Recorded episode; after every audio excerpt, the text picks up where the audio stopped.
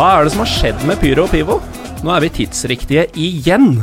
På søndag som var, ble nemlig eh, Rosenborg-supportere ja, Vi skal kanskje være forsiktige med ordbruken når det gjelder hva Molde godkjenner og ikke, men uh, de følte seg noe krenka av um, i sikkerhetssjekken da de skulle inn på hatkampen Molde-Rosenborg. Hva som skjedde, har jo blitt skrevet noen artikler om. Vi skal snakke litt om det, og så skal vi gå grundig inn på sikkerhetspolitikk i norsk fotball i det hele tatt. Og da har vi like gjerne kalt inn to nye blad i Pyro og Pivo-sammenheng. Eh, Vidar Evje, tidligere leder for Kanarifansen, eh, velkommen til deg. Tusen takk. Og Vålerenga-fan og advokat Ulrik Motsfeldt, velkommen. Takk for det. takk for det. Kan jeg starte med deg, eh, Ulrik? Eh, Vi kjenner jo hverandre fra Berlinball 2018, Det stemmer. som var en episode Det ble jo Hele helga var en rekke episoder som ble en podkastepisode. Som du ikke var med på, men eh, Nei, da var det Hamburg. ehm, på min eh, øl, eh, øl- og fotballtur. Men Berlinball 2018 ga mersmak, så om et par uker så skal både du og jeg og flere til på Rorball 2019. Gleder du deg? Det gleder meg veldig til det. Uh, håper SAS-streiken er over før den tid. Uh, for uh, ja, billetten min er med SAS. Ja, min òg. vi, vi får se. Men uh, fotballinteresse, ølinteresse, reiseinteresse, men også juridisk interesse. Det blir spennende å høre dine takes på det som har skjedd i Molde, og, og svarene vi har fått fra forskjellige instanser om hvorvidt dette var greit eller ikke. Mm. Vil jeg bare komme med en liten presisering. Eh, eh, Jeg jobber jo lite med strafferett, men, men eh, mye med, med familierett. Sånn at eh, det blir litt skyte fra hofta. eh, Og ikke klare kanskje de beste juridiske rådene alltid, men, men vi får ta det som det kommer. Den fødte Pyro Pivo-gjest. Vidar, du er jo i tillegg til å være mm, tidligere leder og talsmann av en av de større supportergruppene i Norge, så er du jo politisk engasjert, aktiv i Fagforbundet. Stemmer. Glad i eh, lover og regler og rett og galt. Det blir en del paragrafer der òg, ja. Mm.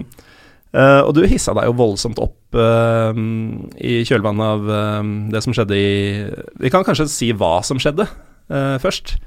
Det For de som er tapt bak en dør, eller født bak en stein, eller hva det heter, så var det da eh, to, eh, har vi fått bekrefta, Rosenborg-supportere som ved innslipp på Aker stadion i Molde før kampen sist søndag eh, ble tatt til side av politiet i sikkerhetssjekken, eh, satt inn i et eh, slags telt hvor da, eh, og detaljene rundt hendelsesforløpet her skal vi komme litt nærmere inn på, men eh, kort fortalt så var det grundig, grundig intim sjekk av eh, disses person. Eh, og det provoserte deg ganske kraftig, Vidar? Ja, det gjorde det. Følte jo meg nesten krenka på deres uh, vegne. Og i tillegg til at uh, jeg reiser rundt på mye uh, fotballkamper i, i løpet av en sesong og har eh, si, opplevd sikkerhetskontrollen som privatperson, så har jeg også et par år vært supporterkoordinator i, i Lillestrøm, selv om det også er noen år tilbake. Men jeg veit jo hvordan samarbeidet med supporterne er ment å være, og dette ligner jo ikke på noen ting av uh, hvordan det skulle være. Og dessverre, uh, Molde er en versting, men det kan du sikkert si noe mer om seinere. Ja, Vi skal jo konkludere litt med hvor det er eh, greit og kjipt å være bortefan. Men eh, Ulrik, kommer du deg på mye bortematcher eh, med ditt uh, Vålerenga? Mindre enn en eh, jeg hadde håpa, eller har lyst til. Eh, sånn som i dag, så spiller vi jo en cupkamp 60 mil unna Oslo, Mm. eh, tur-retur, eh, på en, som det er i dag, en torsdag. Dagen etter en fridag. Uh, ja, det er godt satt opp. Det er, jeg syns veldig synd på Fåberg, som da som en 100-årsgave fra forbundet får et stort eliteserielag i cupens første runde. Og så får de kampen på en, eh, på en uh, hverdag Mm. eh, med det begrensa antallet med bussene som måtte av gårde fra Oslo klokka tre.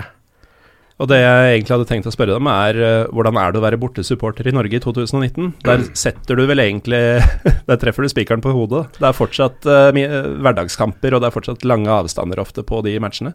Ja, For å ta den bare litt raskt. Uh, jeg satt der og så på det. Nå Neste serierunde så har Vålerenga Viking borte klokka 19.00 en mandag. Eh, hvis du regner andre påskedag som en søndag, så har vi da hatt to kamper klokka åtte på søndager. Eh, to kamper klokka 19 på mandager.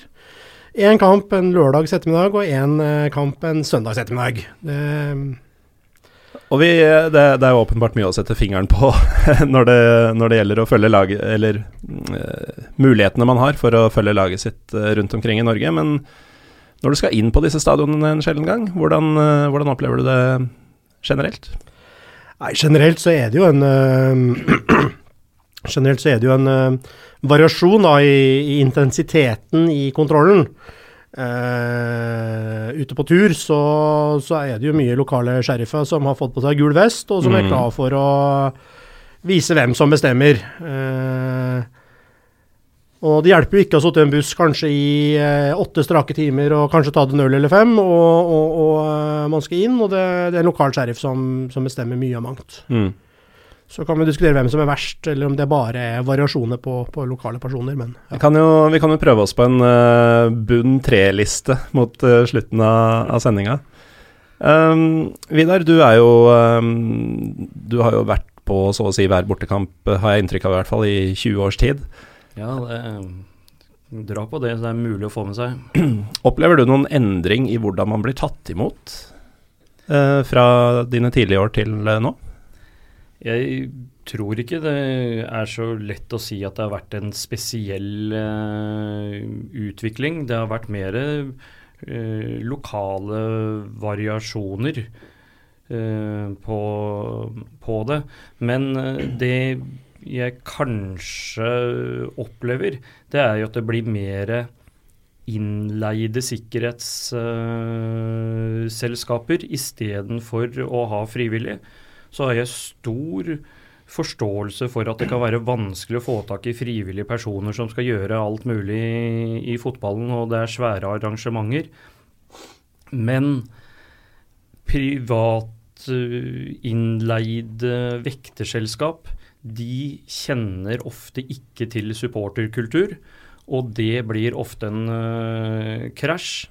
Og øh, jeg kjenner jo igjen det der lokale sheriffen, men jeg tenker at uh, sheriffen ofte er i disse vekterselskapene.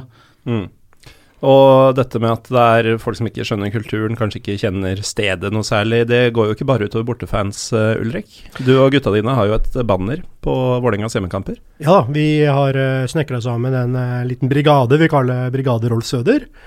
Og har funnet også vår plass på tribunen, der vi har stått siden dag én på Intility Arena, som det så fint heter. Uh, eller Valle, blant venner. Og som så stor og profesjonell klubb, så regner jeg med at det er de samme vaktene i døra hver gang, og at dere, de bare vinker dere inn når dere kommer traskende, samme gutta med samme bannere uke etter uke? Nei da, det varierer veldig, og det er jo da våre venner i gamle Securitas. Husker jeg ikke helt hva de kaller seg for tida, GSS eller et eller annet. Det, det skifter navn hele tida. Som, som, er leid inn. Og på, på, kvelden så står de og passer på oss når vi skal inn, og neste morgen kan vi møte de samme folka på Oslo S, der de skal jage narkomane rundt. Eh, og eh, det er jo en frustrasjon at vi har kommet dit, og det er på Nå har jeg aldri vært på bortetribunen på Intility, men, men utover den, på supportertribunen, så, eh, så, er, så, er, det den eneste tribunen av Vålerenga-relaterte tribuner på Intility som blir, eh, der det blir gjennomført ransaking av besøkende. Så kommer du f.eks. og er litt sånn av, avdanka klansmedlem litt opp i åra som har funnet at nå skal du eh, sitte på patriotfeltet, som det heter, som er den ene langsida eh, på, på, på Intility, så blir du ikke ransaka. Eh, I det hele tatt? Nei, der blir du, får du bare gå inn eh, billettkontroll, og så er du inne. Ja. Så hvis du har med deg kassepils under armen, så kan det hende at du blir stoppa på det. Eh, regner også med at klanens eh, sikkerhetstjeneste, KST, eh, er, er og snoker i krokene der, uten at jeg skal si det sikkert. Eh, men, men eh, dette er jo samme som vi hadde på, på Ullevål. Der Vestbredden, altså langsida som, som klanen hadde, den uh, hadde heller ingen form for ransaking eller visitasjon på veien. Der var det, var det internjustis som gjaldt. Det er ikke sånn på Åråsen, uh, Vidar? Nei, der må man nok regne med å møte noen for å kikke på deg hvor som helst. Og Det spiller ingen rolle om du er 80-åring eh, med caps eller 5-åring eh, med liten veske? Nei, og det er jo det som er eh, trist. Jeg har jo forståelse for en sånn helt grei kontroll av folk, men det er sånn åpenbart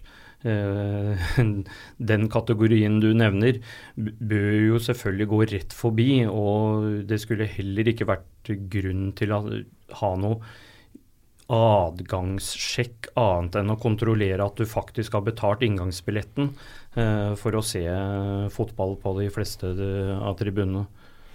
Det er jeg veldig enig i. Sånn, altså, man må ha en viss kontroll, altså, all den tid det er forbudt med alkohol på norske tribuner. Eh, og eh, altså, i disse tider med terror eh, som man skriker opp om, så kanskje noen føler for å titte på en ryggsekk når man har med det. Så sånn, sånn den, den, den, litt sånn, hva skal vi si, da, den, den, overflatiske sjekken tenker jeg er jo for så vidt grei, men den bør jo gjelde på alle tribuner. Det er, jo, det er, jo, ikke sånn at de som har med seg de største og farligste tingene, da vil velge der det er kontroll, men de vil kanskje gå til et sted det ikke er kontroll, hvis de skal gjøre noe veldig galt. Mm. Det som derimot er veldig irriterende for oss, er jo sånn som seriestart. Vi hadde hjemmekamp mot Mjøndalen, det var en lørdagskveld. Vi kommer der, det er helt blodferske vektere, har aldri stått i denne kontrollen før. Og de er Altså, det er ikke et smil engang. Det er ikke 'hei, velkommen, jeg må dessverre ransake deg', eller noe sånt. Det er liksom ut med arma, ta av capsen, eh, fram med sekken for den av oss som bærer banneret, og så mm. må vedkommende ta ut banneret. Og så leses innholdet på banneret. Det står 'Brigade Rolf Søder'. Det er en tegning av eh, skuespilleren Rolf Søder. Var det bartenderen til Olsenmannen? Nei, ja, jeg, han spilte vel det, da tenker man. Men, jeg lurer på det, altså. Ja. Nei, Det husker jeg faktisk ikke, men han, har, han, har en, han, har, jo en stemme i en del Han har jo den derre um, stemmen i den norske Først kom de for uh, sosialistene, men jeg var ikke sosialist. Norske oversettelsen. Så han spilte mm. inn den for en del år siden. Og han var muligens bartenderen til Olsenmannen? Ja, han kom i hvert fall fra Kampen. Så det høres, det høres logisk ut når du sier det. Men, mm. men, men dette skjer jo hver gang, da. Ja. Selv om dere er samme gjengen med samme bannere. Og, ja. mm. og, det, det, vi opplever, det, vi opplever, er den, den, den, den, intensiteten i at vi må brette ut bannere. Det er ikke bare oss, det er også Ikaros og andre supportergrupper i Vålerenga mm. som må brette ut bannerne, sånn at vekteren kan lese budskapet så står vedkommende der og vurderer kan jeg slippe dette inn, kan jeg ikke slippe inn. Mm. Altså, hvem i pokkeren har gitt den vekteren eh, den det myndigheten, det mm. mandatet, til å foreta en sensurkontroll av supporterbeskjeder. Ikke sant, og da ofte en uh, beskjeder fra, fra, og til en verden du ikke selv har noe innsikt i. Ikke sant. Og I tillegg så kommer da den selve, den, den selve kontrollen, som altså på den første hjemmekampen så var den Altså det var ned i lommene, det var uh, den, Altså vekterne gikk ned på kne for å undersøke hva jeg hadde i sokken. Mm. Og på Åråsen, så nå har det riktignok uh, Det ble jo gjort en sak ut uh, i Romerikes Blad etter første hjemmekamp i år, uh, Vidar. Men der har det jo vært komisk strengt uh, for å komme inn. Og det er jo samme inngang for både Kanarifansen og den nærmeste sittetribunen. Uh, og også den såkalte RB-tribunen, som det ofte er mye gratisbilletter til lokale barnelag og sånn. Disse skal da sjekke Altså, det, det, er inne i snusbokser, og jeg nevnte denne 80-åringen med caps. Den capsen skal ha. Fordi han kan jo fint ha uh, gudene veit oppi der. Uh, så er det jo greit, man skal jo heller ikke diskriminere. Det er ikke sånn at man skal se an folk, og du skal sjekkes mer enn han. I hvert fall ikke i dette, denne instansen. Uh, som for så vidt bringer oss over på uh, hendelsesforløpet i Molde. vi har da snakket med en av disse to uh, Rosenborg-supporterne som, som, ble tatt til side. og det som kommer nå, er jo da hans versjon. Eh, så får vi ta den eh, litt som den er, men eh, la oss kalle denne fyren Jamfall. han sier at noen få ble anholdt før kampen i byen for å klistre opp klistremerker. Uh, ingen anmeldelse på stedet, men han var ikke sikker på at den ikke kom. Uansett, en, en, merkelig ting å, å, la, å, ta tak i fra lokale myndigheter. Altså Det starter jo allerede der. Um, så hadde en del av Rosenborg-supporterne faktisk vært rundt på diverse puber i Molde før kampen, som for meg høres veldig rart ut, men det har da ikke vært noe bråk. Eh, både ifølge han og heller ikke noe som har blitt rapportert om, og dette er jo noe det kommer ut i mediene, og det kommer ut i disse skrytekanalene på Facebook osv. Eh, ved Aker stadion så passerte man da denne vanlige sikkerhetssjekken som vakter utfører, uh, hvor de har ganske strenge retningslinjer å forholde seg til, som vi skal komme inn på senere. Uh, men etter her var det et uh, andre ledd i sikkerhetskontrollen som politiet sto bak. Og da var det som nevnt satt opp et slags telt, en avsperring hvor folk ikke hadde innsyn, til eventuelt videre sjekking. Og det er jo her det begynner å bli litt, litt ubehagelig, fordi uh, if, igjen ifølge Jamtfall selv, så var det ikke noe tilløp til utagering. Han var en av disse som hadde med seg litt Ja, du nevnte flagg og bannere osv., Ulrik. Det, han var en av de som hadde med seg dette, og disse ble da sjekka mens han sto rolig og så på. Eh, er hans eh, fortelling. Og så har da han og en til blitt plukka ut mens de sto og venta, eh, og tatt med til dette teltet. Uh, hvor da politiet har sagt til bl.a. Dagbladet at dette var mistanke om pyroteknikk. Um, han um, kom da inn på dette um, avsperra området, og så skal det sies at um, han tok av seg buksa selv, uten å ha blitt uh, instruert om det. Uh, fordi han, uh, som han sa selv, visste hva som kom. Så det er jo faktisk Altså, politiet instruerte ikke, i hvert fall ikke han, jeg vet ikke med han andre, men de instruerte ikke Jamtfall om å ta av seg buksa, som kanskje er et, litt annerledes enn det som har kommet ut på sosiale medier rett etterpå. Men da buksa først var av, så kom også underbuksa av, og han hevder da at han ble instruert av politiet til å bøye seg frem, da med synlige, spredte skinker, og bedt om å hoste. Sånn at dersom man faktisk kneip på noe som du ikke ser inn i åpninga, så ville det falle ut. Og her lurer jeg litt, uh, Ulrik. Uh, du sier at du ikke er den type jurist. Men altså Hva i all verden? Ja, du sier hva i all verden, og jeg tenker dette høres jo bare sprøtt ut. Uh, det er Det er jo litt sånn uh, uh, ja, hva skal man si, da? Altså, man blir jo målløs. Altså, man hører jo historier om Man hører jo historier om eh, visitasjon til og fra fengsel, eh, der det har vært en sak blant advokater at eh, kvinnelige advokater eh, tidvis eh, blir tatt med bak et eh, skjermbrett for å få inspisert bh, bl.a. Mm.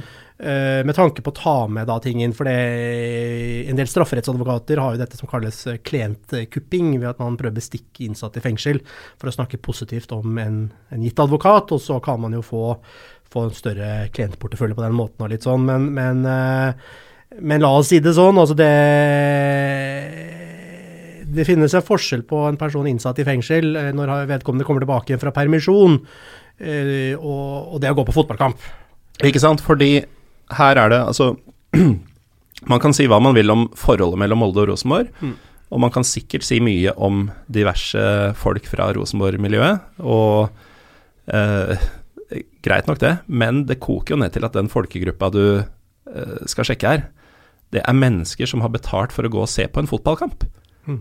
Altså, det er jo ikke Det er jo ikke hva skal vi kalle det? Det er ikke en politisk demonstrasjon uh, mellom to sider som hater hverandre, Vidar?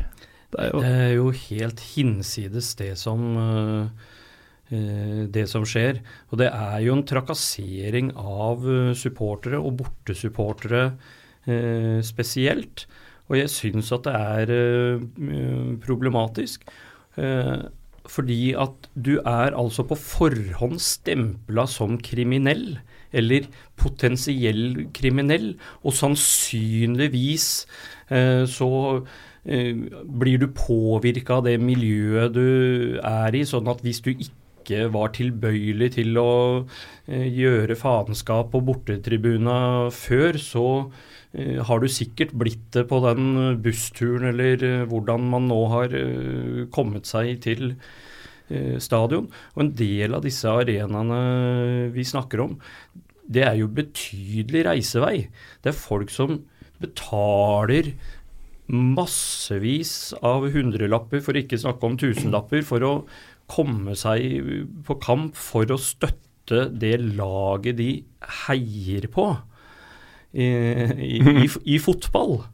Og så skal man oppleve å bli trakassert på det groveste. Og ja, det er derfor jeg blei ble så forbanna. Mm. Eh, rett og slett fordi at det, det, å se på sitt eget publikum på den uh, måten, det, det, er så hinsides latterlig.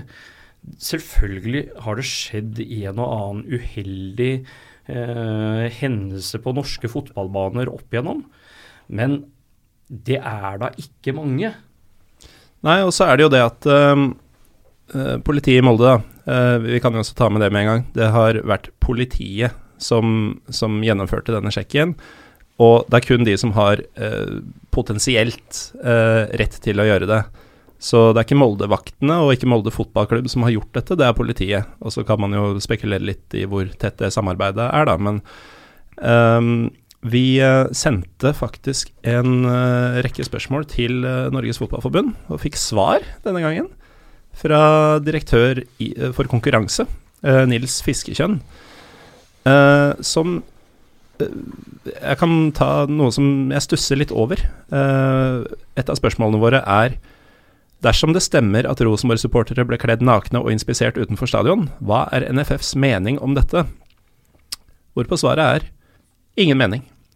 Politiet iverksetter de tiltak de mener er nødvendig.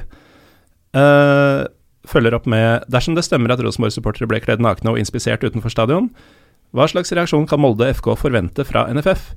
Ingen. Punktum.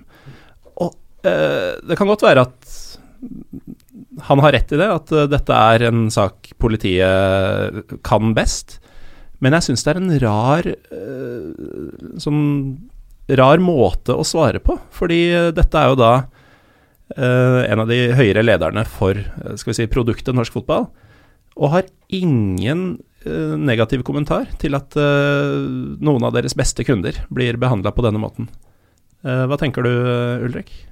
Altså På den ene sida så, så, så, forstår jeg for så vidt uh, den godeste NFF-direktør.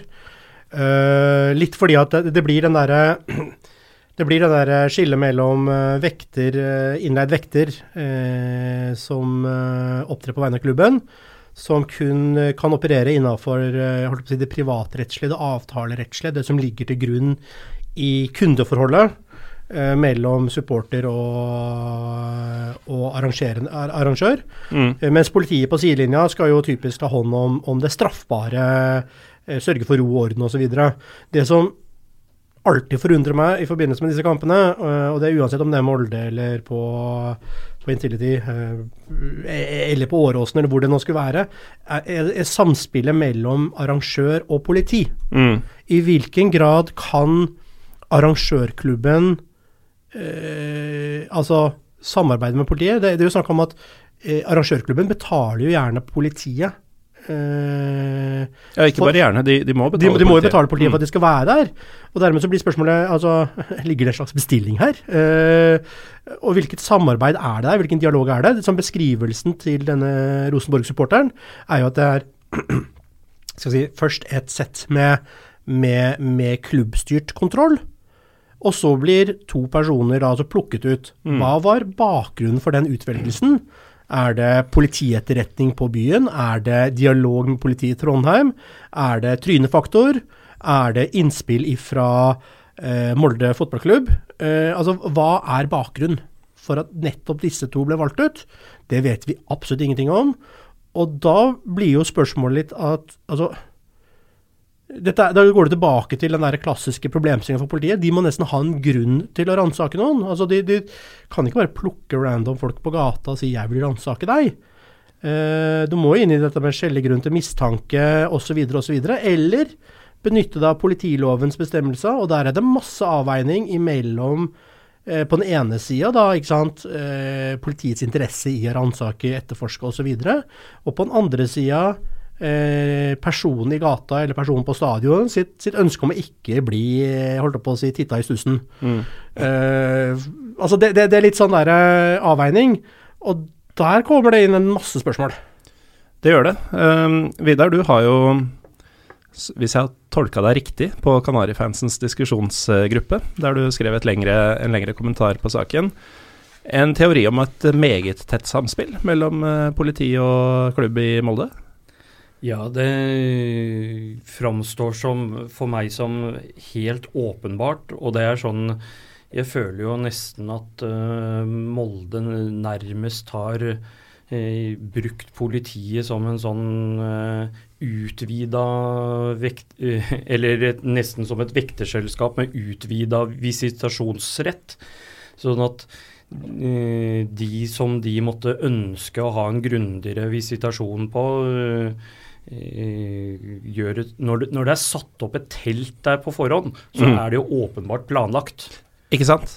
Uh, dette er ikke noe de fant ut at å oh shit, nå har det skjedd et eller annet uh, på byen, som det så vidt vi vet ikke har gjort. Uh, vi, må, vi, vi, må se ut den og den personen, og så må vi ta en ordentlig titt på dem. Det er ikke sånn uh, foranledninga har vært. Det, altså, jeg har aldri sett et sånt telt på noen fotballstadion i Norge. Jeg har sett et sånt telt én gang på et fotballstadion i Norge. Okay. Da var jeg bortefan i Molde, okay. med Fenerbahçe. Ja, okay. eh, og da var jo Molde livredde i forkant. Uefa hadde jo fora dem med, med diverse ja, Jeg skal ikke kalle det skremselspropaganda, for det er jo sant, det meste. Men, eh, men ingen ble tatt ut. Nei. Men, Så mm. Ja, men det, som du sier, altså på en seriekamp i Norge Jeg har ikke sett noe som ligner engang. Jeg snakka med Espen Viken, eh, talsmann for Kjernen, rett før vi gikk på her, på telefon. Um, han sier at dette har skjedd før. I 2016 så, så skjedde omtrent det samme uh, uten at det ble noen særlige overskrifter av det. Um, men uh, hvis det stemmer, da, det har man jo ingen grunn til å mistro, så er det da to tilfeller som er kjent for oss mm. i norsk fotball. Begge har vært på Aker stadion, begge har vært når Rosenborg kom på besøk. Mm. Uh, og vi kan si mye om forholdet mellom uh, din klubb og vår klubb, uh, Ulrik, men Gjerne det, gjerne det. man trakasserer jo ikke hverandre. Nei, altså vi kan, drøfte, ikke, vi kan, vi kan, drøfte, vi kan jo drøfte det mye om at vi alltid blir sendt med buss via Skedsmokorset og, og, ned bakveien der og via et jorde og uh, Er det ikke, er ikke hele Lillestrøm sånn, ifølge dere?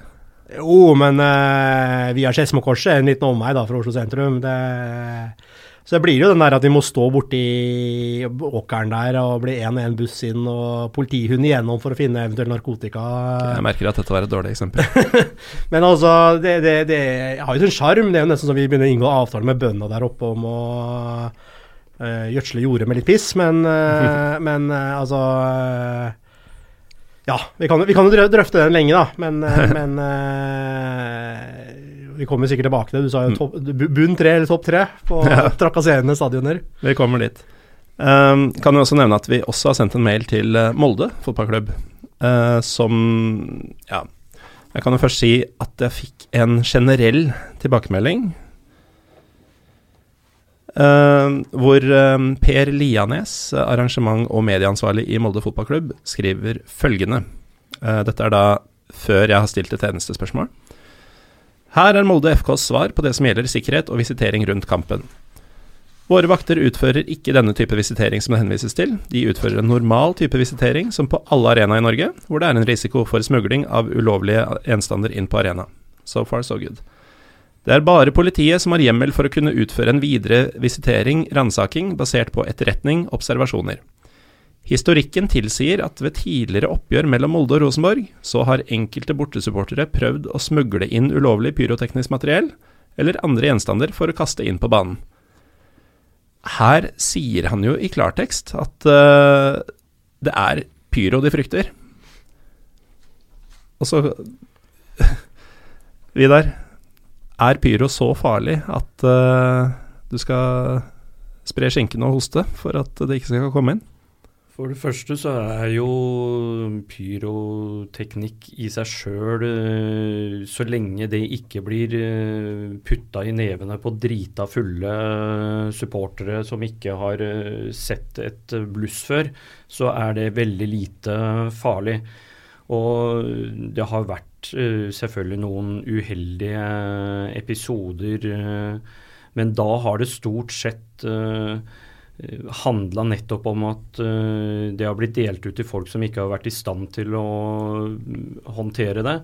De fleste supportergruppene som bruker pyro og ønsker å bruke pyro, har folk som kan, kan, forholde seg til det. Og så er det nå sånn at vi veit at det er forbudt.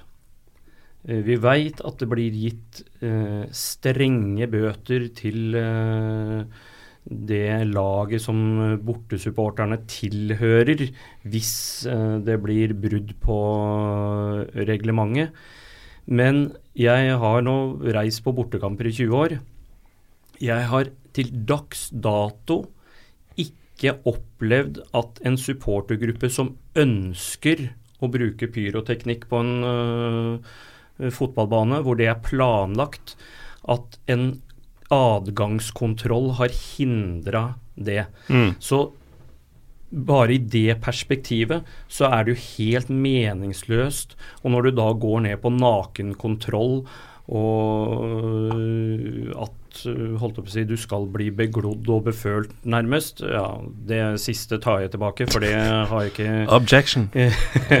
har jeg ikke noe grunn til å uh, si. Men, men, men, følelsen av å liksom skulle bli kledd naken fordi at du noen tenker at du skulle ha putta et bluss oppi stussen mm. for å ha med uh, seg inn. Og ok, hvis nå denne uh, Jamtfall da, hadde hatt med seg, om det så ved hostinga hadde spredt Flydd et bluss ut av brunøyet? ja, da skulle han hva da? Uh, blitt anholdt, uh, kjørt med blålys ned i arresten. Ja, men hvilket lovbrudd har du da begått på det stadiet? kanskje, kanskje hadde du ikke engang intensjoner om å bruke det på stadion, du bare likte å ha det der. For å si sånn, du sa, du sa nettopp her at uh, Eh, bluss ikke er farlig til å håndteres riktig. Jeg vil, jeg vil påstå at bluss i rassen ikke tryggest oppbevaring av sånn på generelt grunnlag, så frarådes det av sikkerhetssiden. Jamtfall bør egentlig visiteres uh, regelmessig gjennom hverdagen. Sånn, Hvis det er greia hans, nei, altså hver, hver sin smak, for all del. Uh, men, men ja. Nei, altså det, det, det, er en underlig logikk. En underlig ja, logikk. Jeg, jeg, tenker at det er um, Jeg syns både Fotballforbundet og Molde virker litt sånn likegyldige. Uh, og jeg, jeg syns det er så rart, fordi ja Kanskje, kanskje ville de smugle inn uh, pyroteknisk materiell, men uh, altså, det, er, er, det et snev av holdt på å si, planlagt trakassering i dette her? Fordi, altså jeg, for det, jeg er veldig usikker, fordi Jeg veit at jeg hater Molde by-greiene. Det har jo blitt blåst voldsomt opp i Molde. Hater, vet du. Stygt ord. Og politiet i Molde har jo tidligere uttalt uh, seg negativt om Rosenborg-supportere. Uh, så det blir liksom nærliggende å tenke at nå kommer dem, nå har vi sjansen vår. La oss uh, bokstavelig talt knipe dem litt. Men uh, dette er jo selvfølgelig voldsom synsing. Ja, men man må sitte med en sånn følelse av at uh, enkelte politifolk eh, kanskje ser litt for mye på disse filmene, den derre Hva er det het igjen, da? Football Factory og liksom mm. uh, det, det, det, det, samme inntrykket får man jo når man ser i sikkerhetsreglementet. Det er jo en sånn der, uh, fantasi om fulle stadioner, og tellerapparatene må fungere. Hvis ikke så kan folk bli skvisa av det ene med det andre. Mm. Det er liksom fantasiverden som ikke eksisterer på norske fotballbaner. Men, men uh, jeg sitter jo og For det første begynte jeg å fnise, siden jeg har litt barnslig humor. når jeg leste VGs artikkel da politimester Røv Eh, ja, den likte jeg også. Politimester Røv i, i uh, det lokale politidistriktet kunne opplyse om at man faktisk ikke hadde undersøkt om dette var lovlig eller ikke. Og, og, og, og da, da, sitter man liksom og bare klør seg i huet og lurer på hva skjer. Og dette er jo den mm. klassiske Det er jo sånn som alle som har tatt offisersutdanning i Norge, alle som har tatt politiutdanning i Norge, har jo en viss kursing i hvordan virke autoritær i stemmebruken, i måten å snakke med folk, slik at man kan uh, få det til å fremstå som om man vet veldig mye mer om hvordan dette faktisk er. Mm. type 'vi skal ransake deg', det har vi lov til. og, og, og Jeg sitter og lurer på om det er noe sånt, at det står noen litt ivrige politifolk, har rigga seg opp og er klare. Og så tenker man eh, litt at nå skal vi, nå skal vi mm, faktisk prøve oss på disse Rosenborg-folka. Jekke dem litt ned. Ransake dem litt i holdt på å si, huet og ræv, bokstavelig talt. og, eh, og eh, at det er en Altså, fravær av den objektiviteten politiloven faktisk krever som det så fint kan sies. Ja. Um, kan jo nevne også at uh, vi stilte noen oppfølgingsspørsmål til uh, Molde som ikke har blitt besvart. Hvorav jeg ville vært veldig interessert i å høre hvordan stiller Molde fotballklubb seg til hendelsen. Der har det vært radiostillhet. vi lurte også på om, det, om, Molde FK på noen måte kunne forhindret at dette skjedde. Igjen ikke noe svar på det. Um, og man Det heter seg jo at den som tier, samtykker, men jeg syns jo det er litt pussig at man ikke benytter muligheten til å si at nei, dette hadde ikke noen råderett over, dette er kun politiet. Da hadde man gått klar. Men eh, jeg vet ikke, Vidar. Denne teorien din om, eh, om et tettere samarbeid mellom Molde og det lokale politiet, det er de har ikke akkurat skutt den teorien i filler ved nei, å ikke si noe. Nei, det, det, har de absolutt ikke. Og så, så, er det jo sånn hvorvidt holdt jeg på å si, det er noen i politiet som har eh, lyst til nærmest å trakassere. Det håper jeg jo virkelig ikke at det er. Men noen klubber, og Molde er en av dem, har hatt en årelang tradisjon for at de er rett og slett redde for å få besøk av bortesupporterne. Det har vært en veldig grundig visitasjon der i alle år. Eh, de skaper en negativ stemning. og no, og, det i seg sjøl er jo så uh, rart. Du får gjester, vi var inne på det i stad, som betaler penger for å komme inn. Men de skaper jo også en aggresjon blant bortefansen som er helt unødvendig. Så i den grad det er en type supporterfiendskap fra uh, før, så bare trigger du det. Men jeg tror egentlig ikke at politiet som uh, som tjeneste har noe spesiell interesse av det, men jeg er ganske sikker på at det Molde betaler for, det uh, får de. Men uh, må kanskje moderere meg litt, siden jeg hørte at det blei sagt at det var et telt i 2016. ja, Hvorvidt det var et telt, da vet jeg ikke, men en lignende type visitasjon skal ha forekommet. Ja.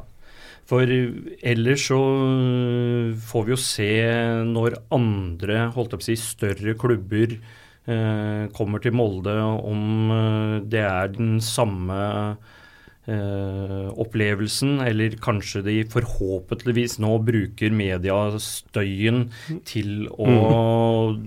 ta seg litt eh, inn. Men jeg har jo en større teori på at uh, det sikkerhetsseminaret Fotballforbundet hadde før seriestart, hvor spesielt pyroteknikk og skadeomfang og det som har kommet fram i etterkant der med falske bilder og en opphaussing av uh, hvor farlig det er, har gjort at en del lokale nå sikkerhetsansvarlige har stramma til ytterligere og fått egentlig det indirekte klarsignalet fra Fotballforbundet. Og øh, da var det jo også sånn, øh, siden du leste opp svaret fra NFF øh, tidligere, også veldig sånn passivt Nei, dette, vi har ingenting med dette. Mm. Vi kan ikke gjøre noen ting, men du drar alle sikkerhetsansvarlige i Norge på et seminar og egentlig sier stram inn på pyro. Og hva er det de kan stramme inn på? Det må jo være å kontrollere mer enn det som har vært kontrollert før, siden det tidligere har blitt brukt pyroteknikk på norske fotballbaner. Uh, ja, hva skal en sikkerhetsansvarlig gjøre på den go-beskjeden fra Fotballforbundet, mm. annet enn å si at vær nøyere, det kom inn her i, i, fjor eller året før eller for tre år siden, det skal faen ikke skje på min vakt. Mm. Jeg har en litt annen teori, og det handler litt om Jeg var jo og også den begredelige kampen Molde-Vålerenga i fjor sommer. Dro fra Oslo i solskinn og endte opp i høljen regn sidelengs eh, i Molde. Og altfor mange mål i ræva. Eh, sånn at eh, Ja, en stusslig affære. Og da husker jeg at vi, vi på vei opp uh, eh, stoppa og fikk tak i et um, laken, hvitt laken, som vi splitta opp og satt uh, Disse unge, stolt, staute mennene i Ikaros satt litt bak i bussen og jekka seg pils og sydde sammen. Uh, og stoppa et sted og tagga ned med noen uh, beskjeder til en uh, forhenværende Molde-spiller som stadig vekk har en ankesak ventende på seg i en viss, viss voldtektssak. og Eh, for å få det inn, fordi alt av baner og sånn ble jo nøye kontrollert på vei inn, så var det altså surra rundt kroppen på en av disse unge herremennene. Mm. Eh, eller om de hadde surra det delt opp i to igjen, og surra det sammen på, på, eh, på, to, og delte opp på to, da, sånn mm. at man kunne få det inn. Uh, sånn at min mistanke går vel mer i retning av eventuelle negative banner retta mot Molde fotballklubb, som ikke sant, Istedenfor å legge det frem og ha det i hånda, så surrer man det altså rett og slett bare rundt kroppen. og, og vil da ved en naturlig klappe på-visitasjon, altså utenpå klærne, kunne skli forbi mm. hvis det surra tilstrekkelig stramt. Ja. Uh, og da er jo alternativet nakenvisitasjon. Mm. Uh, altså av med buksene og holdt på de Fram med, fram med puppa. Uh, misforstår jeg deg nå, eller tror du at dette ikke handla om pyroteknikk, men om, men om å unngå tekstbannere? Jeg, jeg satt og mistenkte litt tekstbanner når jeg leste om det første gangen. Fordi, som jeg sa i stad, jeg, jeg, tror ikke noen som kan håndtere pyro, stikker det altfor hardt opp i rumpa. Uh, skal ikke jeg være ekspert på det, for jeg har aldri håndtert pyro, av den enkle grunn at jeg har ikke kompetanse. Men, eh, men, eh, men altså, folk tar jo spritflasker i stumpen også for å få drikke litt på tribunen. sånn at det mye som, mye som kan skjule seg der. Eh, apropos å ikke ha drevet med pyro før, så kan jeg nevne at uh, denne Jamtfall mm. eh, også hevder at han aldri har blitt tatt for bruk av pyro. Mm, mm. Eh, som igjen da, siden vi lurte litt på hvorfor akkurat han, mm. eh, osv. Um, men uh, det er jo et uttrykk som heter 'de gjør deg til et monster', og så kaller de deg det. Uh, og Du var inne på det, Vidar. Uh, du skaper jo ikke noe mindre aggresjon ved å ha en aggressiv uh, sikkerhetssjekk foran et høyrisikooppgjør. Nei, det er jo helt natta. Det er jo stikk i strid med alt man egentlig har i andre retningslinjer, da. Med f.eks., som vi var inne på, med supporterkoordinatorer. Du, du har altså en talsperson for hele uh, supportergruppa som skal på tur, hvem de nå måtte bestå av, som kan ha dialog både med politi og arrangør. Man kan snakke om noen spilleregler. Man kan, eh, i hvert fall på forhånd, da, så skulle jo Eh, Rosenborg-supporterne har lagd en skandale lenge før kampen fordi at supporterkoordinatoren skulle jo åpenbart vært informert om at politiet sto bak eh, linja, og at de ville vurdere å ta inn noen til mm. en sånn type sjekk. Så kunne jo det ha medført ville Rosenborg-supporterne godta det for å komme inn på stadion? Ville de problematisert det mot uh, holdt jeg på å si, f.eks. representanter for egen klubb?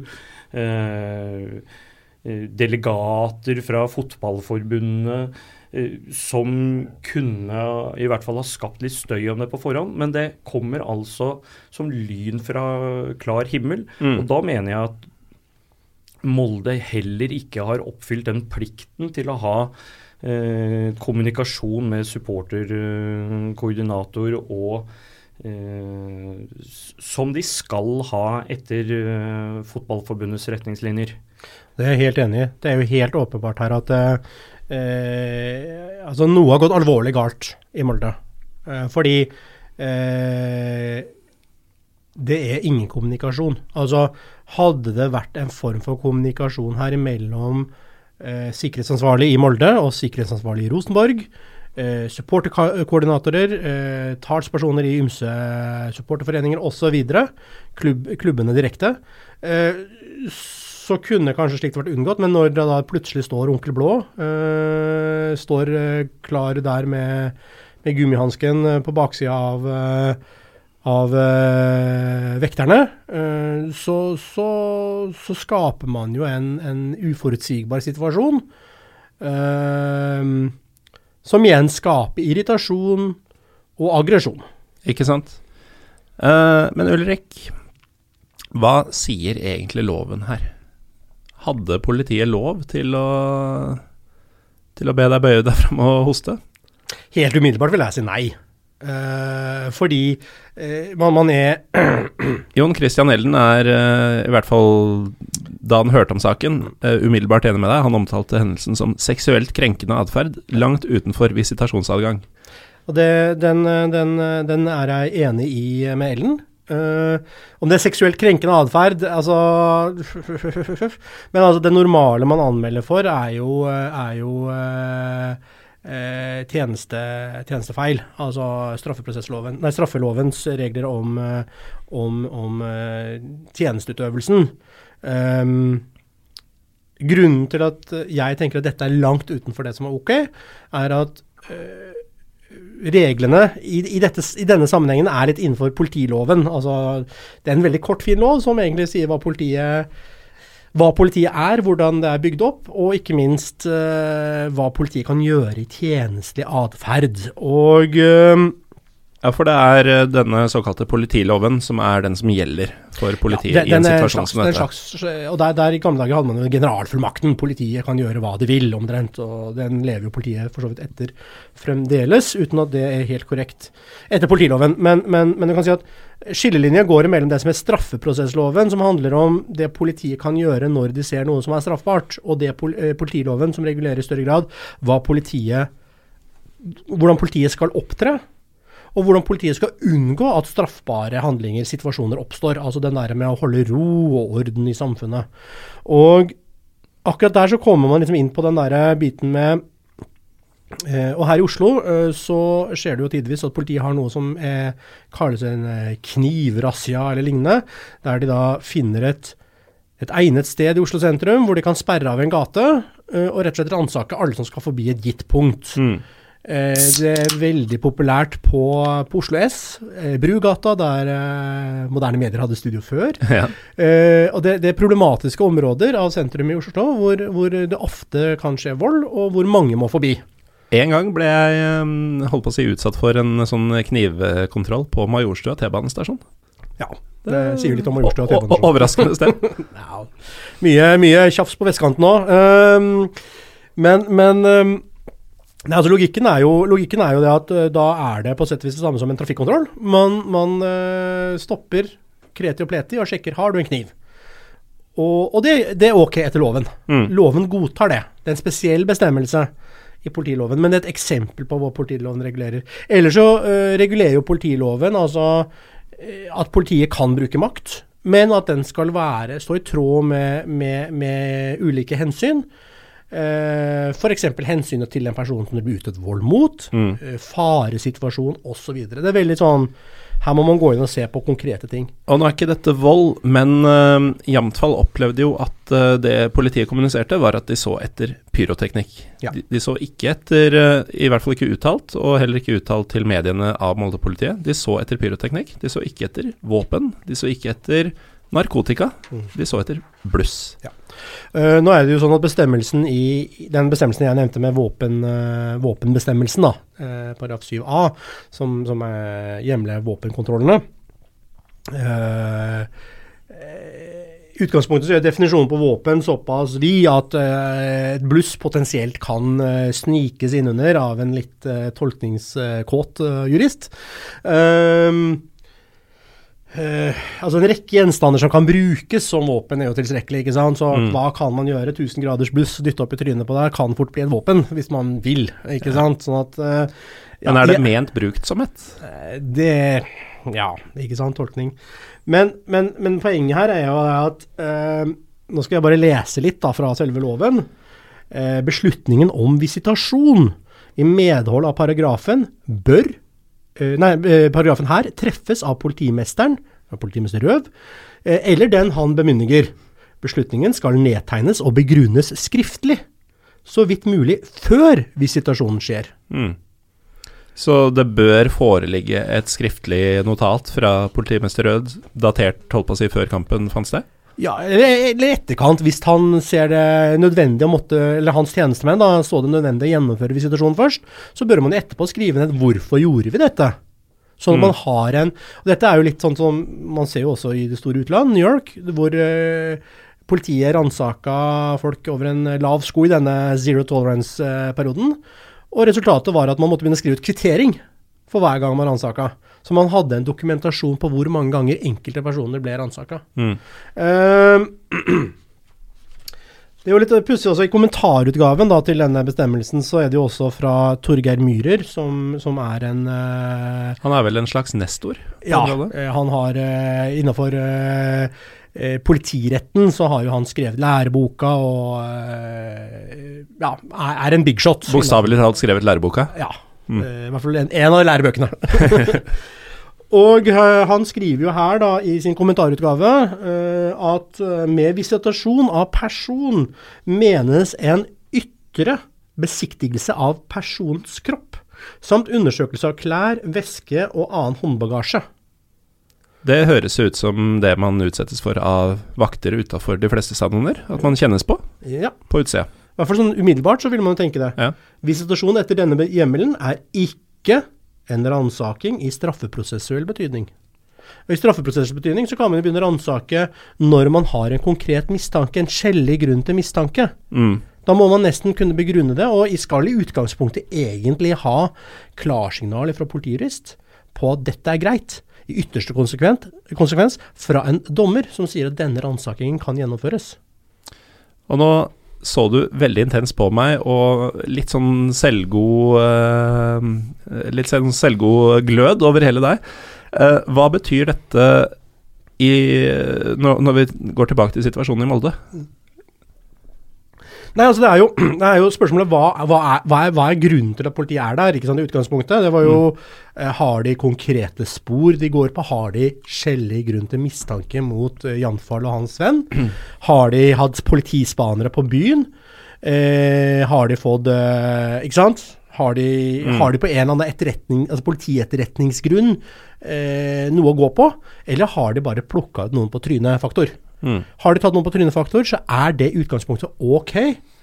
Eh, til en viss grad etter politiloven, men da er det også politilovens regler som kommer inn, og da er det en helt annen form for visitasjon som er, eh, som er bakgrunnen. Igjen, også skjellig grunn til mistanke må jo ligge der. Man kan jo ikke bare Med mindre man da har eh, sagt at innenfor dette geografiske området skal vi ransake alle. Mm, dersom det var trynefaktor, så har de jo ikke hatt skjellig grunn i Jamtvalls mistanke basert på hans forklaring, på at det ikke var noe som han gjorde som stakk seg ut negativt. Vidar, du hadde en kommentar? Ja, øh, og bare for å følge opp det siste først. Heller ikke kameraten øh, hans blei det funnet noe på, så det øh, var åpenbart ingen grunn. Nei, skulle det gjort denne visitasjonen ut ifra politilovens bestemmelser, så mener jeg at de måtte ha tatt det på alle. Alle måtte ha gjennomgått den samme kontrollen. Da kunne du i hvert fall ha sagt at det var likebehandling. Så kunne man jo diskutert om det var innafor eller uh, utafor det som eh, politiloven gir adgang til. Men sånn som det framstår, selv om du kan muligens mene at det er en formildende omstendighet at det er et telt hvor du får gjemt deg eh, bort.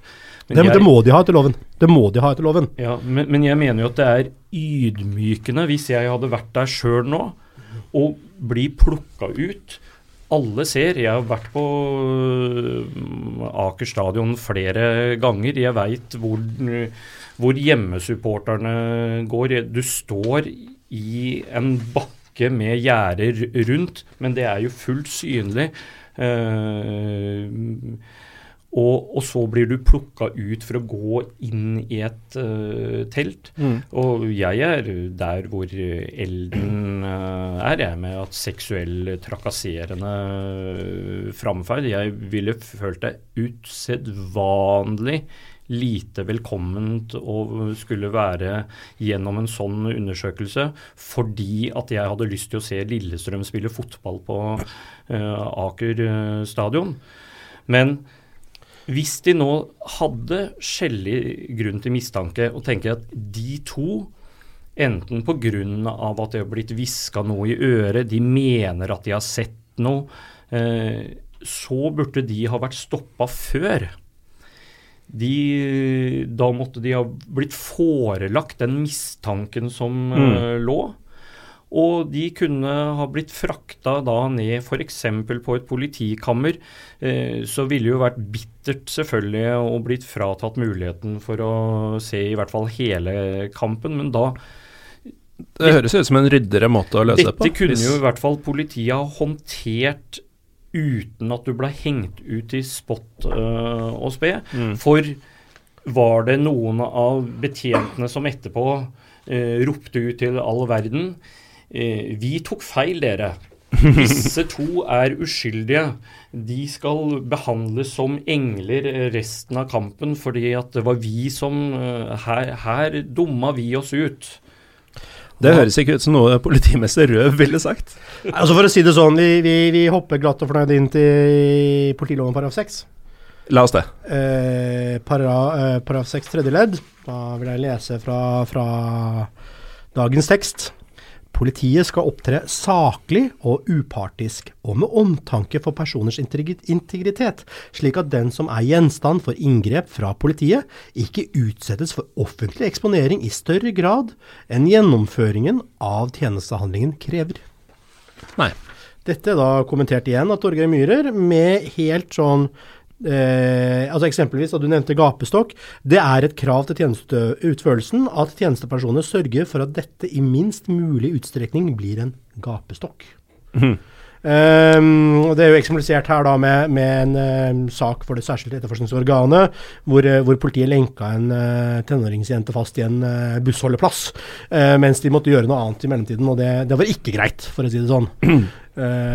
men, men altså Ja. Så i min konklusjon er at politiet i Molde er veldig ute på en syltynn is. Eh, og eh, så er spørsmålet hvor mye har Molde fotballklubb vært med på dette? Jeg mistenker som sagt at det har vært hvisking og tisking. Molde er lite, holdt på å si lite høl. Eh, mange, mange snakker sammen i det lille hølet. Eh, og eh, Det er sikkert ikke populær i Molde, men det får stå seg til. Eh, og, og, eh, og eh, Det blir vel en liten visitasjon når Motsvelt skal på bortefeltet i Molde? Du, Vi er ferdig med Molde borte, så det slipper vi. I hvert fall i 2019. Ja, med cupen fortsatt, vel? Ja, Du skal ikke dit i cup, vi, veit du. Det, det, skjer ikke. Men, ikke vi heller, håper jeg vi der. Nei, men altså, for å si det sånn, uh, litt sånn flåsete sagt. Uh, Molde fotballklubb og politiet har nok snakka sammen uh, på en eller annen måte. Og jeg mistenker at pyro er én ting, men noe annet er kanskje bannere med, med, med referanser da til at Molde fotballklubb fant det opportunt å sløyfe kontrakten til en særs viktig spiller kort tid før seriestart, og la han flytte til Sibir for å du anonymiserer godt, Ulrik. Ja, uh, Vidar, la oss uh, for moro skyld uh, si at Ulrik er inne på noe. At det også handler om bannere og ytringer. Burde ikke Molde i så fall ha skjønt at måten de gjorde ting på i fjor, ikke falt i god jord og ikke var noen god PR? Jeg tror uh, Molde gir fullstendig blaffen i hva andre uh, syns. Jeg var jo sjøl med på, på, stadion der hvor Kanarifansens banner blei konfiskert. Og det var jo det samme. Det var jo ikke snakk om at det skulle eh, skulle pakkes ned. det var jo et krav om at det skulle leveres inn.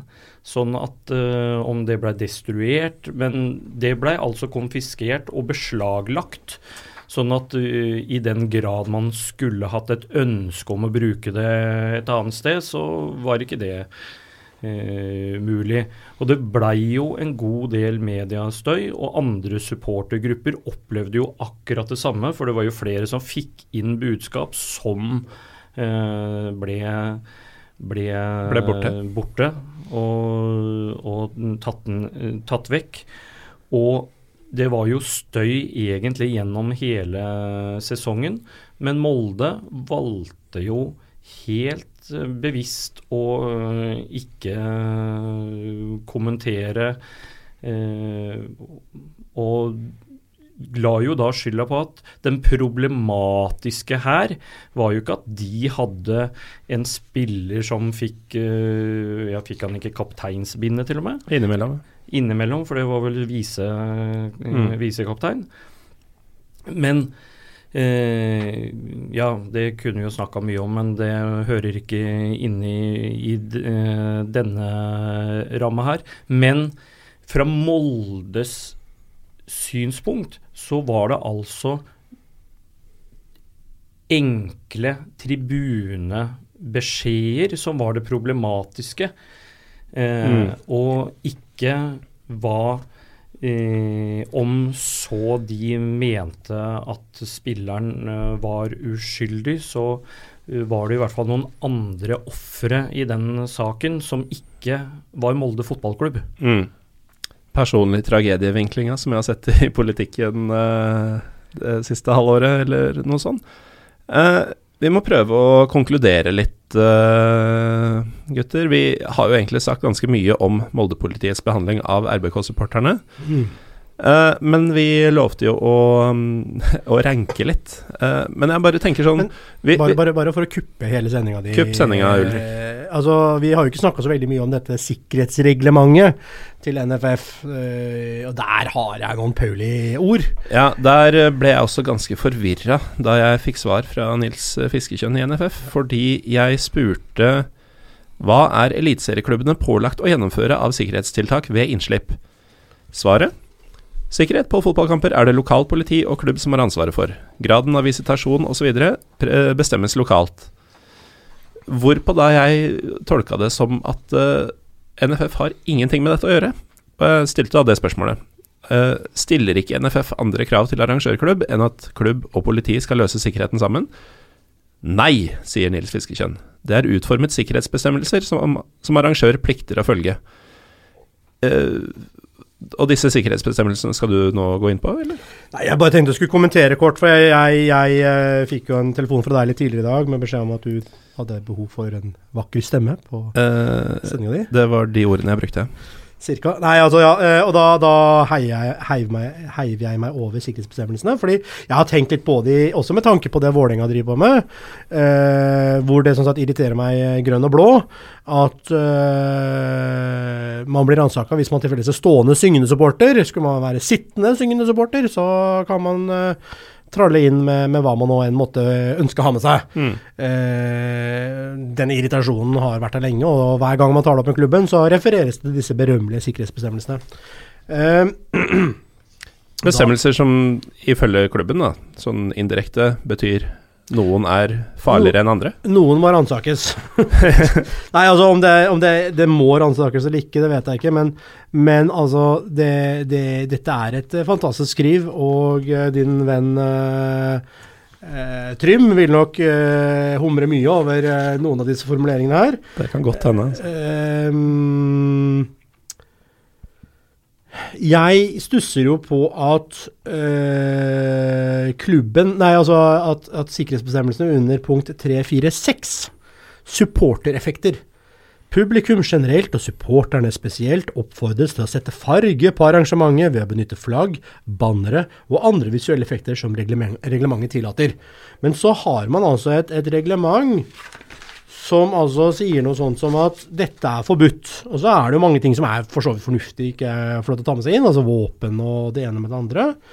Eh, og så har man jo eh, altså denne regelen om, om, om ransaking på vei inn. Og den sier jo da inngangskontroll.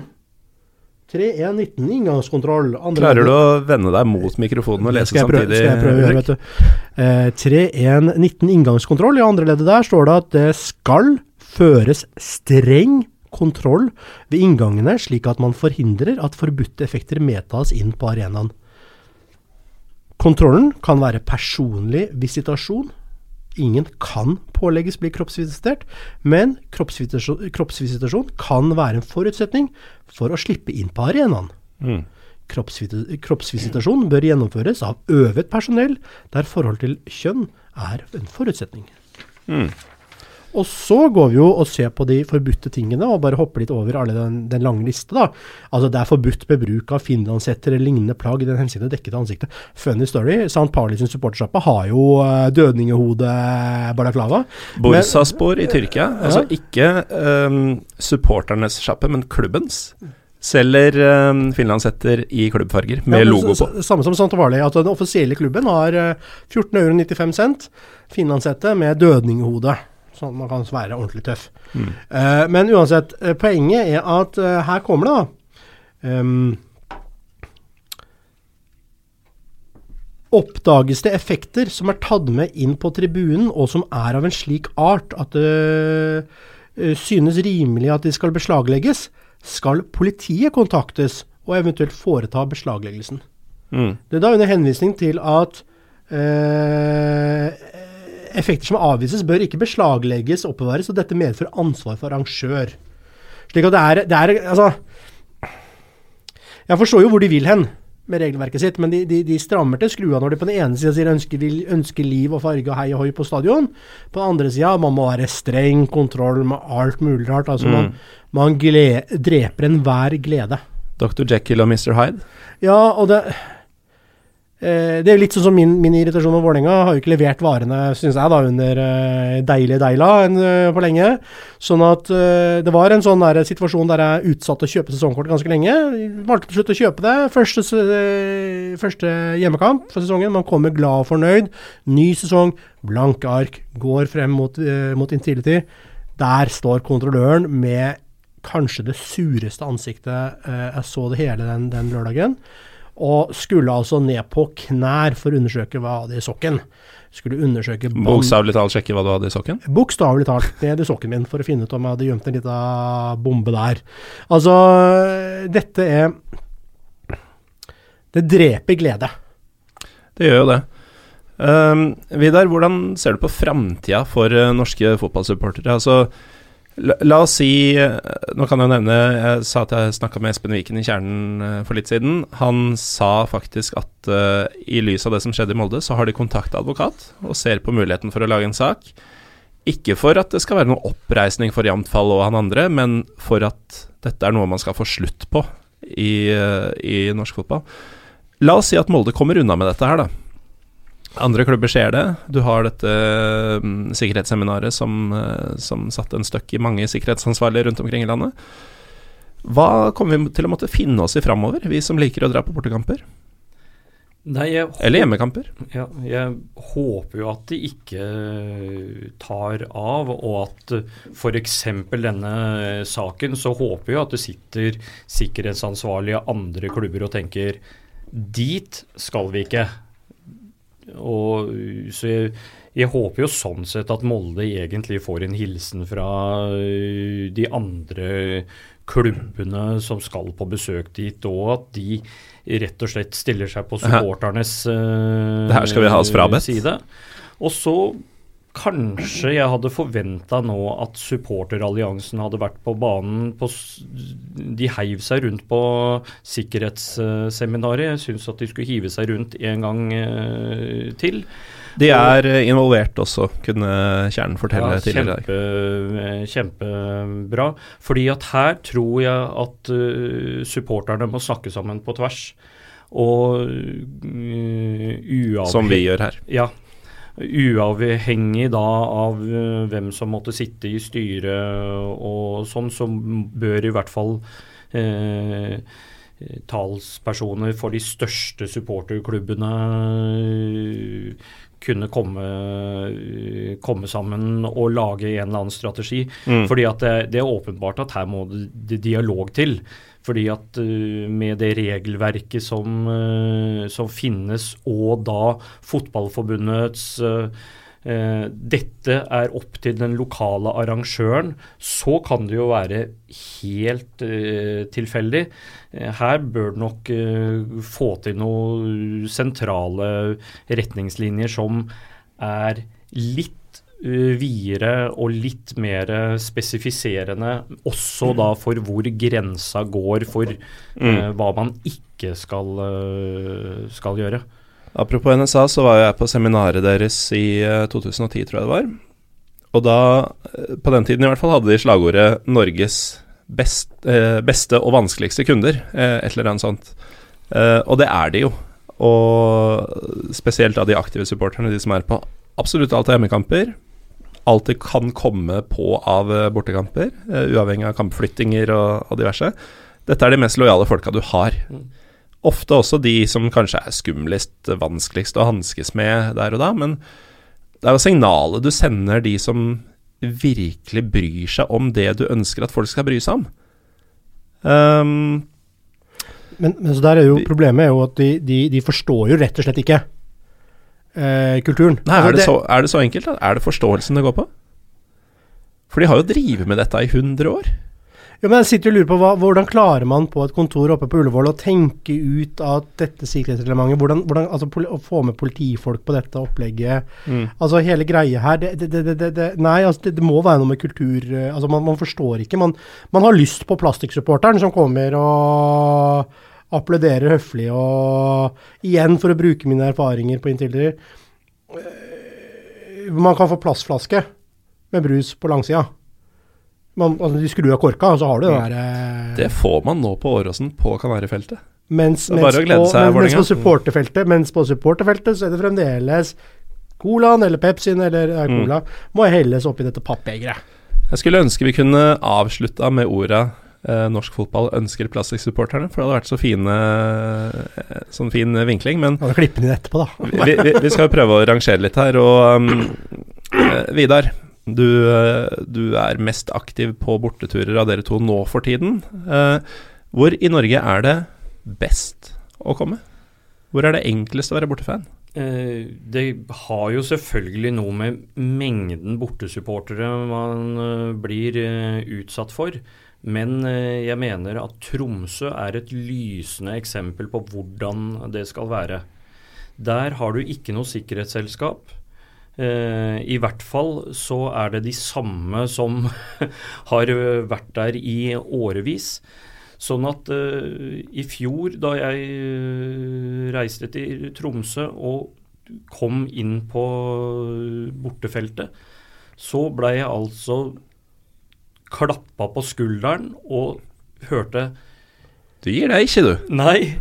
Det er sånn 'velkommen til, tilbake, hyggelig å se deg igjen'. Og da når du begynner å få et personlig forhold til de som skal øh, være vakter Men det er nettopp det de ikke er. De er ikke vakter, de er verter. Mm. De, de, tar jo imot og ordner for at vi skal uh, få det så bra som Eh, vi kan, så skal de selvfølgelig sjekke veska og, og, gjøre det de må. Men det er altså en så hyggelig tone, og du blir ønska velkommen dit på stadion. Og du føler at det ikke bare er et munnhell, men at uh, det er ektefølt. Fordi at de er så lure der at de har de samme menneskene som bare kontrollerer bortefeltet år etter år. Mm. Og um det er jo en kjensgjerning at Lillestrøm taper jo i Tromsø hvert eneste år. Likevel, hvor lite hater vi Tromsø? Det, det vi hater absolutt, ikke Tromsø. Absolutt ingenting. Men uh, Tromsø er bare et lag som finnes der. Uh, ikke noe vondt å si om dem, annet enn at de kunne hatt større og bedre klekk. Ulrik, hvor, uh, hvor trives du best når du reiser med Vålerenga?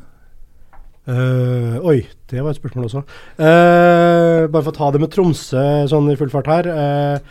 For et par år siden så hadde vi en situasjon hvor, hvor noen navnløse hadde tatt med seg noen småflasker Unterberger inn. Og hadde helt oppi en kaffekopp for man ikke skulle stå og drikke sånn åpenbart. da. Uh, hvorpå Punke-Kenneth, uh, hardt arbeidende bohem, uh, hadde tatt seg noen sånne oppi en kaffekopp og rullet seg en rullings og fyrt opp, og det kom en vert, som du kalte det, borte og sa 'Han, røyker! Han røyker!' hvorpå, hvorpå da daværende supporterkoordinator måtte bare Ja, ja la nå han få lov til å være litt punker, da! Roe, roe stemninga på det. Eh, så mye, mye, mye, mye, morsomt der oppe, men, eh, men altså, hvor, hvor, er det best å komme som bortesupportere? Det eh, jeg tenker jo det, det var spørsmål jeg ikke var forberedt på. Nei, det, det, står jo bare i agendaen du har fått tilsendt, så. Men uh, vi, vi, kan omformulere det litt, da. Altså, jeg, jeg tenker jo at uh, et godt vertskap skal være litt som en god dommer. At du skal merke så lite som mulig til, uh, til det. så hvis du har noen bortearenaer som du har følt liksom at her var det helt nøytralt, her mm. merka jeg ikke noe til at, Nei, altså, at de mistrodde meg, eller um, De um, Kristiansund følte jeg var litt sånn Det var jo første året de var oppe, da, da jeg var der, og det var jo midt på sommeren. Så det var litt sånn der klapp på skulderen og litt sånn usikkerhet. Altså nå kommer den store, skumle klanen, hva, hva gjør vi nå? Så det blir litt den greia. Men, men generelt så er det jo også sånn som cupkamper. Mm. Lavere divisjonsklubber som egentlig bare ønsker at du skal komme og bruke pengene dine. Alltid gull. De som oppfører seg sånn som man skulle ønske alle gjorde? Ja. Liksom litt sånn der, eh, velkommen til oss og mm. både datter og hamster er låst inne, så uh, nå kan du få til å komme. Nei, altså det er litt sånn uh, Vi har uh, på, på, på, på, borteturer, da, så, så, så kommer vi gjerne med en buss, og så suser vi litt rundt og kanskje tar en øl og og prøver å komme oss til stadion. Og så, så, så, så er det jo innslippet, da. Og de fleste steder så går det ganske greit. Men så er det jo denne ransakinga, og så er det kanskje en litt sånn tett oppfølging her og der. Vidar, hvor er det kjipest?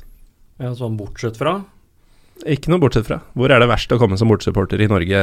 Ja, det er, det er Molde. Det er soleklar nummer én. Selv om du ikke holder med Rosenborg? Ja. Det, det, det, har alltid vært problematisk uh, der. Så er det allikevel sånn, for å ikke ødelegge helt, uh, siden kanskje skal dit uh, skal dit en tur Jeg beeper navnet ditt i produksjonen her etterpå. jo, jo, men når du har kommet deg forbi den der jævla sikkerhetskontrollen, så er det jo så hyggelig som de bare kan på innsida der igjen. Da skal de selge Oskar Skyltebrus ja, ja, og sveler og sånn. Det jeg synes var sånn der, jeg følte litt sånn der, den luka med syltebrusen, holdt jeg på å si. Det var litt sånn der rar, rar luke der man Ja, det var, var noe rart der. Jeg må innrømme. Jeg syns ikke Ja, men ok, greit. Ja, For sånn bannerkonfiskering og sånn, da er det liksom andre som uh, kommer, så du har noen verter der.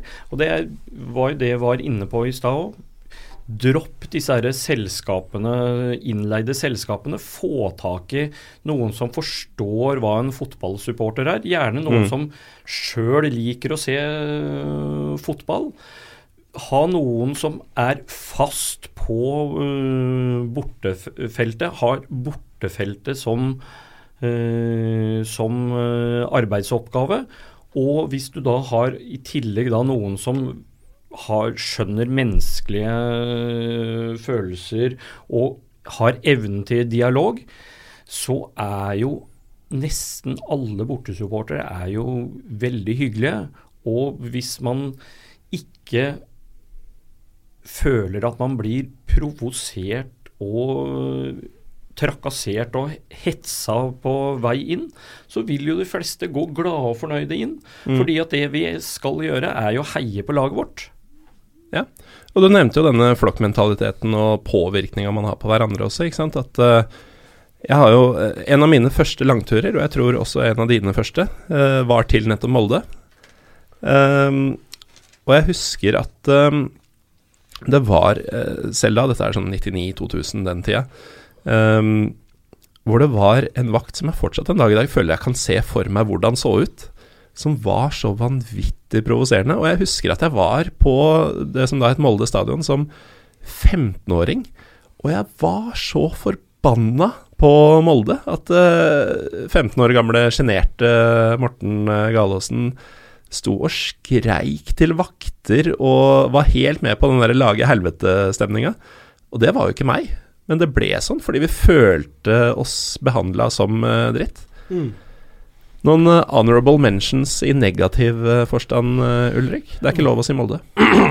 Greit, hvis Molde er tatt, så Nei, hva skal vi si, da? Uh,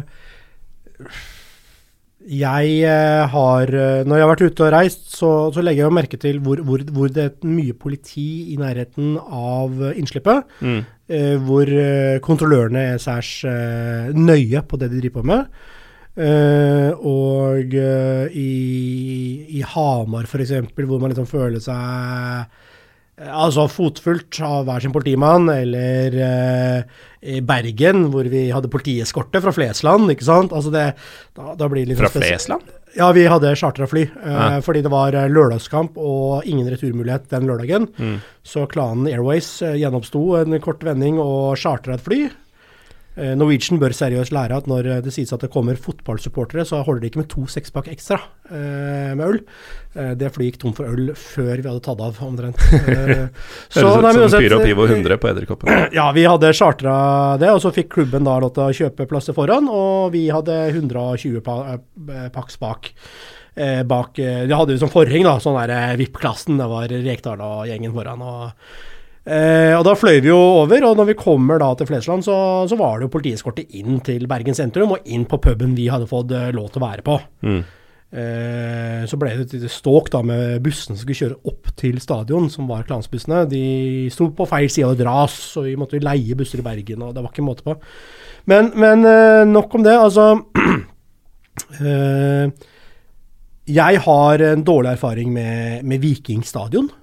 Og nå nikka du fort, uh, Vidar. Og der, der, var det litt sånn Jeg dro kvelden før, eller dagen før, formiddagen før, over med fly til Stavanger for å drikke øl med en kompis, barndomskompis, som bor i Stavanger, som hadde litt uh, kjærleikssorg. Så vi skulle pimpe øl og spise biff og snakke om uh, blomster og bier og livet, havet og døden og sånn. Og uh, litt fyllesyke, så skulle jeg ta med han. Han har aldri vært på Vålerenga-kamp, han. Han uh, heier ikke på Vålerenga engang. Uh, men han skulle være med og bare se hvordan en fotballkamp så ut fra, fra det perspektivet. Og den ransakinga var jo altså det, Der, der fikk testiklene mine kjørt seg. Da var jeg trilte en av badeland. og det var Altså, de var ikke nede i sokken der mikroflaska mi med Unterberger lå. Men, men kompis fikk, eh, kompis fikk, en finger opp i sokken også, så uh, Og sokken betyr da sokken? ja, ja, ja, ja, herregud, vi snakker ikke om noe uanstendig her, nei. Mm. Men, men, det var liksom Så, så Viking stadion har jeg en sånn dårlig, dårlig vibb på. Og så er det jo Åråsen, da. Eh, ja, for å gi det. Jo da. Ja, men, det, det men, men, du sier jo du, du sa, Dere har jo sagt her at dere opplever det samme. Det har vært et problem da, på hjemmetribunen også. Da, da, da, føler jeg at det på sett og vis Da er det verdt det. Fordi Nei, altså den, med den der omkjøringa via Skedsmokorset og eh, det å slippe én og én buss og de Det har vært et par år hvor det er narkobikkje eh, for å avdekke eventuelle alternativ rustede personer, eller hva nå poenget er.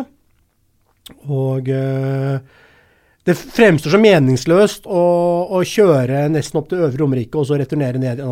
Overdriva, men Skedsmokorset er jo ikke helt eh, på Øvre Romerike, men Nei, men generelt uh, så kan man si at det er meningsløst å dra for, til Øvre Romerike. For, for, for, å segregere. Ja, men så for å segregere, og så slippes vi av ute ved veien, så vi må gå over parkeringsplassen hvor, uh, hvor uh, alle Canaris har parkert bilen sin og er på vei med sine barn andre veien for å gå rundt. Mm. Altså, Den segregeringa i Norge er jo en forbanna vits. Og på Åråsen så har du jo det du sier, samt disse balkongene. Ja, ja, ja, der, der, der det står altså det, det, Og det, det, hender jo faktisk at en eller annen uh, Vålerenga-supporter har forvilla seg til å bo der. Og ja, da, da en av de første som kjøpte leilighet der, var en Vålerenga-supporter. Så da kan vi få kassepils og fyrverkeri over uh, rekkverket, hvis det er det som er problemet. Mm. Uh, det var for øvrig en Kanari-fan som, uh, som, også hadde leilighet der for en del år tilbake. vi kaller han Sjampis-Mats. Mm -hmm. han var jo da på Kanarifeltet, og ja. kunne da se fra ståtribunen på motsatt ende av banen at Brann-supportere klatra inn på balkongen hans og ikke bare det, men han, det, var, det, var varmt, så han eh, lufta. Mm. Så da han kom hjem igjen, så var jo da barskapet så å si tømt. De hadde hatt en liten pausefest, rett og slett, brannsupporterne. Vi, vi eh, har jo også tatt med oss store bannere som vi har uh, brekka ut for at de som sitter bak, ikke skal kunne se kampen. Eh, bare på faen. Men altså, eh, poenget er at, at uh, Jo, altså det har sin sjarm, og det er et derby og sånn, men, men altså segregeringa i Norge Når man først skal drive på og mase så forbaska mye om sikkerhet at man må titte opp i stussen på herr Jamfall eh, oppe i Molde, Mm. så eh, bør man også begynne å snakke om den segregeringa. For det er en unnskyld uttrykket, en forbanna vits. Uh, det er ingen segregering i Norge uh, som jeg har klart å observere ordentlig på tribunen. Sammenlignet med, med Altså, jeg var jo i Nederland her uh, forrige helg, eh, på De Kuip. Der togstasjonen har en egen perrong for bortesupportere, mm. med avlukka tunnel som går altså opp en trapp og over jernbanelinja, og da omslutta. Det samme gjelder da Johan Cruyff Arena i Amsterdam. Ja, men altså, og dette er et land hvor de siste ti årene har ikke Feyenoord-supportere fått lov til å dra til Ajax, og Ajax-supportere får ikke lov til å dra til De Kuip. Sånn at øh, Men disse installasjonene er der. Mm. Eh, så sammenligner du da med f.eks. da eh, Valle, eller Intility, hvor bortesupportere eh, kommer og går eh, rundt arenaen eh, sammen med hjemmesupportere. Og da snakker vi ikke bare Mjøndalen og Ranheim-supportere. Jeg gikk rundt der i fjor Ja. med skjerfet mitt og Ja.